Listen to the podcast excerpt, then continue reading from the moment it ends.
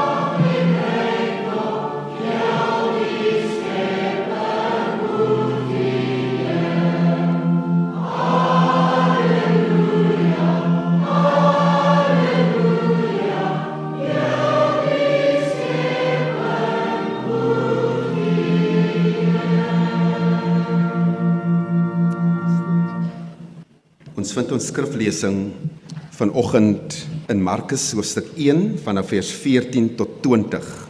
En as ons die Bybel so oop voor ons het, kom ons vra die Here se seën met die voorlesing en verkondiging van sy woord. Dankie Here dat ons so bevoorreg is om hierdie heilige woord van U voor ons te kan oop hê in 'n taal wat ons verstaan, wat ons self kan lees. Gee dat wanneer ons dit lees, ons oë geopen sal word deur die Heilige Gees, dat ons ore oop sal wees en dat ons harte ontvanklik sal wees sodat ons nie net hoorders van die woord sal wees nie, maar ook daders in die koninkryk van God. Help ons daartoe in die naam van Jesus Christus ons Here. Amen. Nadat Johannes in die tronk opgesluit is, het Jesus na Galilea toe gegaan en die evangelie van God verkondig. Hy het gesê: Die tyd het aangebreek en die koninkryk van God het naby gekom. Bekeer julle en glo die evangelie.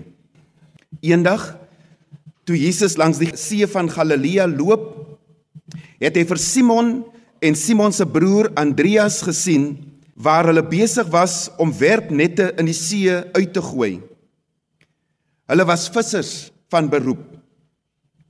Hy het toe vir hulle gesê: "Kom hier. Kom saam met my en ek sal julle vissers van mense maak." Onmiddellik het hulle die nette gelos en hom gevolg. Toe hy 'n entjie verder gaan, het hy vir Jakobus, seun van Zebedeus en sy broer Johannes gesien waar hulle in die skei besig was om hulle nette reg te maak. En dadelik het hy hulle geroep. Hulle het hulle pa Zebedeus net so saam met die loonarbeiders in die skei gelaat en saam met Jesus gegaan. Dit is die woord van die Here. Die lees van hierdie bekende gedeelte en my voorbereiding vir hierdie preek het 'n paar begrippe of woorde in my kop kom los oor die koms van die koninkryk van God en oor ons roeping as disippels van Jesus Christus. Dis woorde soos revolusionêr, radikaal, dringend, transformerend. Nou as lidmaat van die kerk oor baie jare heen en ook as predikant het ek kom leer dat sulke woorde nie graag in ons kerktaal verskyn nie. Dit is woorde vir al die eerste twee wat ons liewer probeer vermy omdat dit negatiewe persepsies by ons oproep en ons tot onrustigheid stem. En dalk moet ons eerlik wees met mekaar en erken en bely dat die boodskap van die Bybel, die boodskap oor die koninkryk van God oor die eeue heen redelik sterk afgewater, afgestomp is om by ons te pas, om ons belange te beskerm, om so min moontlik mense in die kerk ongemaklik en onrustig te laat. Ja, om so ver moontlik die vrede te bewaar. Maar die feit van die saak is dat die boodskap van die koninkryk is in baie opsigte wat ons sê kontrakultureel. Dit druis in teen die kultuur van ons dag. Dit pas nie lekker in by die wêreld se manier van dinge doen nie. Dit staan meer as dikwels teenoor die status quo, die bestaande orde, die sogenaamde empire of keiserryk. In sy intreepreek is Jesus baie direk en duidelik. Die tyd het aangebreek en die koninkryk van God het naby gekom. Bekeer julle en glo die evangelie. Die nuwe direkte vertaling stel dit so die bestemde tyd is vervul en die koninkryk van God is op hande. Bekeer julle en glo die evangelie. Onder die tema die koninkryk van God het naby gekom, wil ek vanoggend oor drie aspekte van hierdie intreepreek van Jesus praat wat my opnuut getref het en wat ek glo wat ons kan help om in die woorde van Philip Yancey die la en la vernis en verf wat ons oor die jare en oor die eeue heen oor hierdie evangelie en oor die Bybel geverf het vandag so 'n bietjie weg te krap en te hoor wat Jesus vir sy kerk vandag te sê het. Die eerste punt het te maak met die plek en tyd of die historiese konteks van Jesus se intreepreek. In in hierdie opsig is die plek Galilea baie prominent. Galilea is vir Markus 'n belangrike plek wanneer hy die evangelie van Jesus oordra. Galilea was in die noordelike ryk. Dit was anders as Jerusalem, nie 'n bekende plek nie. Jerusalem inderdaad was die godsdiens hoofstad. Dit was waar die tempel was. Maar Nasaret en Galilea waar Jesus van kom en waar hy sy bediening begin het, was onbekend en in baie opsigte verag deur mense. Daarom kan Nathanael in Johannes 1 vers 46 vra: Kan daar uit Nasaret iets goeds kom? So Galilea was die land van die heidene, minder prominent, minder betekenisvol as Jerusalem en veral ook Rome. Galilea was die plek waar verarmdes gewoon het. Maar nie alleen begin Jesus sy bediening hier nie, ook na sy opstanding wanneer die vroue by die graf aankom, stuur hy hulle met die boodskap na die disippels en Petrus en sê ek gaan vooruit na Galilea. Gaan ontmoet my waar alles begin het. Galilea waar nie magsbasisse of verhoogligte van prominensie en groot gebeure was nie. Galilea as dit ware as die teenpool van Jerusalem. Dis waar Jesus sy bediening begin en weer eindig. Dis 'n baie belangrike punt om in ag te neem. Want dit help ons om Jesus te verstaan om sy prediking oor die koninkryk van God te verstaan. Galilea sê Thomas Long is die plek waar die meeste van ons lewe. Van die meeste van ons leef nie in die vestings van mag of in helder kolligte nie. Nee, ons leef in die Galileas van hierdie wêreld. Op die Kaapse vlakte, in townships en woonbuurte op die rand en die uithoeke van die samelewings, in informele nedersettings, in plekke wat maghebbers nie sommer besoek nie, behalwe natuurlik voor verkiesings. Dis plekke soos wat Tracy Chapman van sing as hy praat van the subcity waar die lewe hard is en jy bloot agtend groete vir die president stuur wat jou nie eers waardig ag. Dis die in die Galileas van hierdie wêreld waar Jesus eenvoudige mense, eenvoudige vissersmense sonder indrukwekkende CV's ontmoet en roep en red. Dis waar outsiders hulle bevind buite die kring van vername mense. Dis waar Jesus vir my en vir jou ontmoet. Ons glo en ons moet nie ophou glo dat God steeds mense op die rand van die samelewing ontmoet en roep nie. Jesus steur hom duidelik nie aan die soort klasstelsels waarin ons so gewoond geraak het in hierdie wêreld nie. Hy loop nie eers 'n draai by die teologiese skole of kweekskole of raadsale om disippels te kies nie. En hierin lê juis die blye tyding, die goeie nuus, die evangelie dat Jesus Christus mensgemaakte strukture oopbreek en afbreek. Maar die tyd van Jesus se optrede is net so belangrik as ons hierdie gedeelte na kyk. Markus bring Jesus se interpreek in verband met die arrestasie en gevangenskap van Johannes die Doper. Met ander woorde, dis 'n gevaarlike tyd vir Jesus om te begin preek. Dis 'n tyd van risiko's. Nadat Johannes gevange geneem is, in die tronk opgesluit is, die woorde wat hier gebruik word is eintlik nadat Johannes oorhandig of oorgelewer is, gaan Jesus na Galilea toe.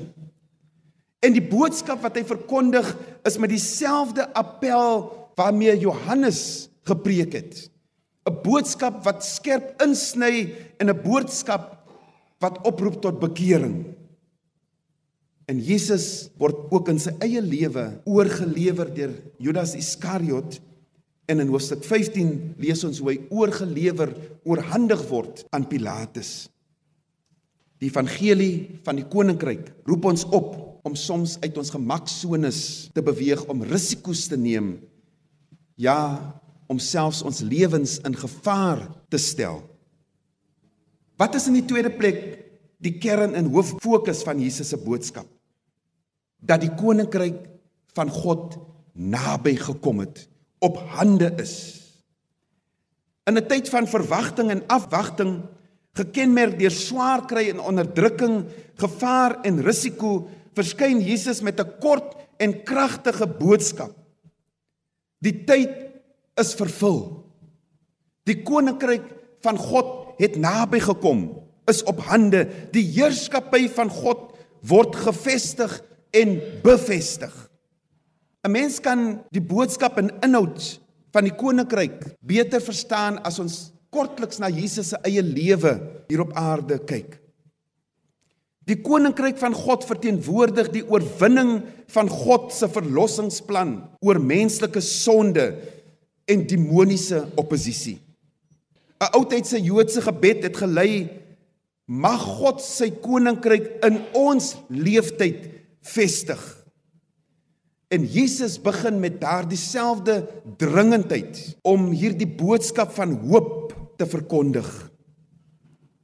Markus se weergawe van Jesus se lewe is korter as die ander evangelies met 'n baie duidelike fokus. Die koninkryk van God. Jesus is 'n man op en met 'n missie, wil Markus vir ons sê. Mense word genees van verskillende siektes. Uitdrywing van bose geeste vind plaas. Alles wat aandui op die verbreeking van die mag van die duiwel en die bande wat mense in hulle lewens ervaar. Jesus kom deur sy wondertekens om mense se mensheid te kom herstel, om hulle weer nuut en gesond te maak, om aan hulle die lewe in oorvloed te skenk. So begin die eerste paar hoofstukke van Markus met 'n hele paar genesingsverhale. Terselfdertyd is hierdie wondertekens, die genesing, maar ook die stilmaak van storms as voorbeeld by uitstek tekens van die koninkryk van God wat reeds in Christus aangebreek het. En terselfdertyd ook tekens is van die Godsryk wat vas is en verseker in vervulling sal kom. God is in Jesus besig met dade van herskepping. Wanneer Johannes die Doper later in die gevangenis sit en van sy disippels na Jesus toe stuur met die vraag: "Is u die een wat sou kom of moet ons 'n ander verwag?" Dan stuur Jesus hulle terug met hierdie woorde: "Gaan vertel vir Johannes wat julle hoor en sien. Blindes sien weer en verlamdes loop. Melaatses word gereinig, dowes hoor, dooies word opgewek en aan armes word die evangelie verkondig. Jesus is inderdaad in lewe en in daad soos iemand gesê het die auto basileia die koninkryk self die koninkryk van God in gestalte. En Jesus se keuse van disippels dui juis vir ons op dat die waardes en voorwaardes vir roeping en aanstelling in sy koninkryk in die eerste plek gemik is op die randfigure in die samelewing. Hulle word gevra om deel van sy binnekring te word. Jesus se fokus is deurgangs in sy aardse bediening op mense en nie op godsdienstige reëls nie. Daarom kan hy sê die Sabbat is vir die mens gemaak en nie die mens vir die Sabbat nie tot groot ontsteltenis van die godsdienstleiers van sy tyd want dit is juis hulle wat die orde kom omkeer het. Jesus sê ook dat die koninkryk van God bloedbande herdefinieer. Wanneer hulle vir hom sê jou moeder en jou broers is hier, dan dui Jesus aan dat sy moeder en sy broers is diegene wat die wil van God doen. Wie dus bloot vir Jesus sien as die seun van Josef en Maria, die broer van Jakobus, Joses, Judas en Simon, kyk teen die natuurlike herkoms vas en is blind om nie die Messias te herken nie. Ook wanneer Jesus gelykenisse oor die koninkryk vertel, hang dit onlosmaaklik saam met sy lewe en sy prediking en ook sy sterwe. Hy maak die gelykenisse waar.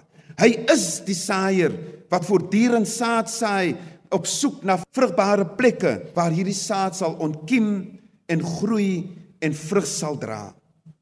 Daarom wanneer ons hierdie gelykenisse hoor, word ons elke keer gekonfronteer om lewensveranderende keuses te maak en word ons ook vandag voor die keuse gestel om vir Jesus te aanvaar of te verwerp. Die onskynlike oorheersing van die bose kan vir my en u dalk huiwerig maak om hierdie boodskap van die koninkryk van God te verkondig. Ons mag dus bang wees dat ons belaglik sal lyk in die oë van ongelowige mense. En die implikasie daarvan is dat die stem van die kerk en die stem van Christene stil begin word. Dat ons besluit om eerder maar aan te sluit by die kore van hierdie wêreld en daarin te sing. En dis beslis 'n groot versoeking. Dit was egter ook van die begin af die versoeking van die kerk. Juis omdat die kerk werk met die spanning van die alreeds en die nog nie karakter van die koninkryk van God. Jesus sê die koninkryk van God het gekom en in sy lewe wys hy dit. Maar ons almal weet dat hierdie koninkryk in volle vervulling sal kom wanneer Jesus eendag weer terugkom. Maar intussen word elke geslag opgeroep om die Jesus te verkondig. Want hy is en hy bly die teken van God se koninkryk wat gekom het. Sy lewe bly die riglyn vir ons lewens. Sy weiering om te assimileer in die skemas en strukture van sy tyd bly die aansporing vir ons om nie ingetrek en ingesuig te raak in die sisteme en strukture van ons dag wat indruis teen die waardes van God se koninkryk nie. Daarom mag die kerk haarself ook nie beywer om te gerieflik hand aan hand met die maghebbers van die tyd te leef en te beweeg nie terwyl sy haar rug keer op armes, verdruktes, randfigure en uitgeworpenes. In die laaste plek hoor ons steeds die appel van die evangelie van Jesus vandag helder en duidelik konfronterend die tyd het aangebreek die koninkryk van God het naby gekom Bekeer julle en glo die evangelie en volg my. Elke keer wanneer ons hierdie woord hoor, elke keer wanneer ons in 'n kerkgebou sit of waar die woord ook al verkondig word, word ek en u voor 'n keuse gestel weer en weer. Bekeer julle. Draai weg van die sonde wat julle so maklik verstrik en omring. En hier gaan dit nie net om die persoonlike sondes wat ons so maklik opnoem nie. Dit gaan ook oor die groter sondes wat ongesiens so deel van ons doen en late van die sisteme en die strukture van hierdie wêreld geword het waaroor ons dikwels nie wil praat nie omdat dit dalk ons eie posisies van bevoordiging en mag kan bedreig omdat dit dalk ons kansse op bevordering en die klim van die sosiale status leer kan benadeel. Ook die sonde van versuim dat ons nalat om te doen wat ons behoort te doen. Dit waartoe Christus ons geroep het. Vanoggend hoor u weer bekeer julle en volg die Jesus weg die weg en waardes van die koninkryk van God. Bekeer julle en bly gehoorsaam aan Jesus die Here. In die woorde van die belydenis van Belha al sou owerhede en verordeninge van mense daarteen wees en al sou straf en lyding daaraan verbonde wees.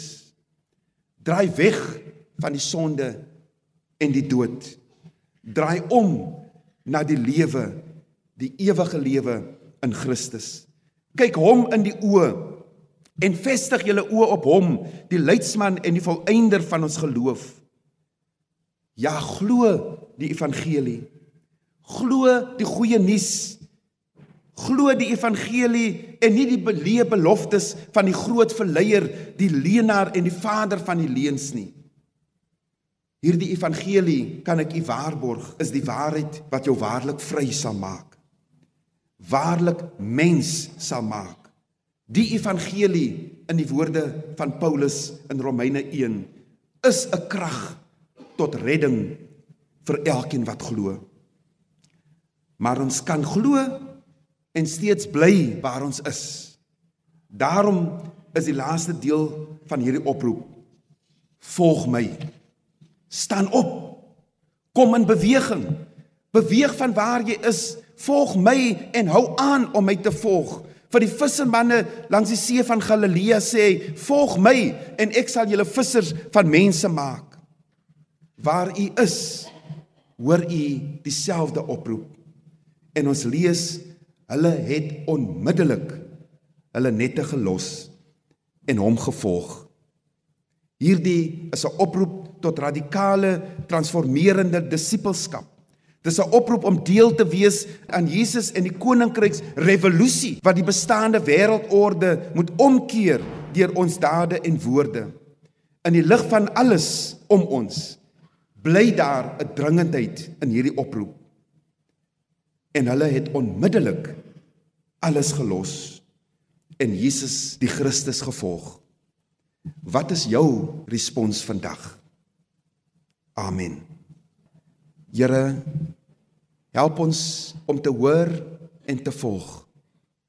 Te volg waar U ons lei.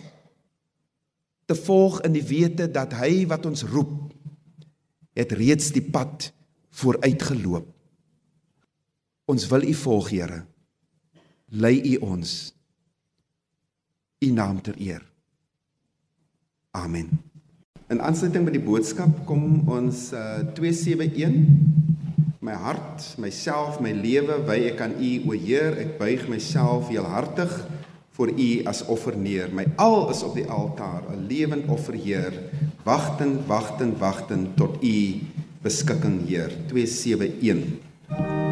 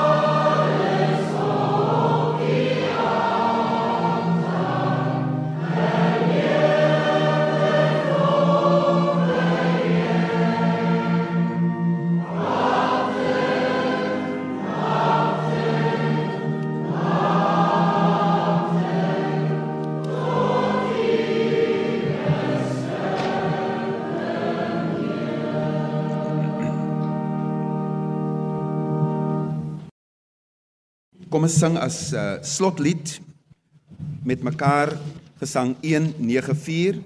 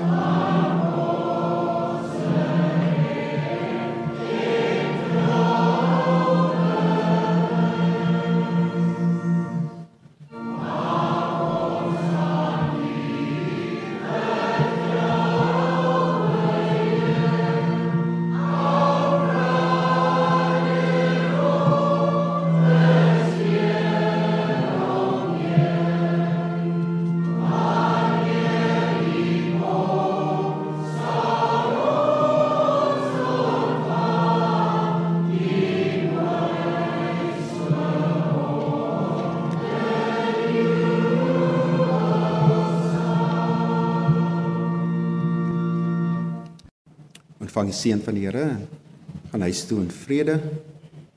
Die Here sal julle seën en julle beskerm. Die Here sal tot julle redding verskyn en julle genadig wees. Die Here sal julle gebede verhoor en aan julle vrede gee. En ek lê die naam van die Here op julle.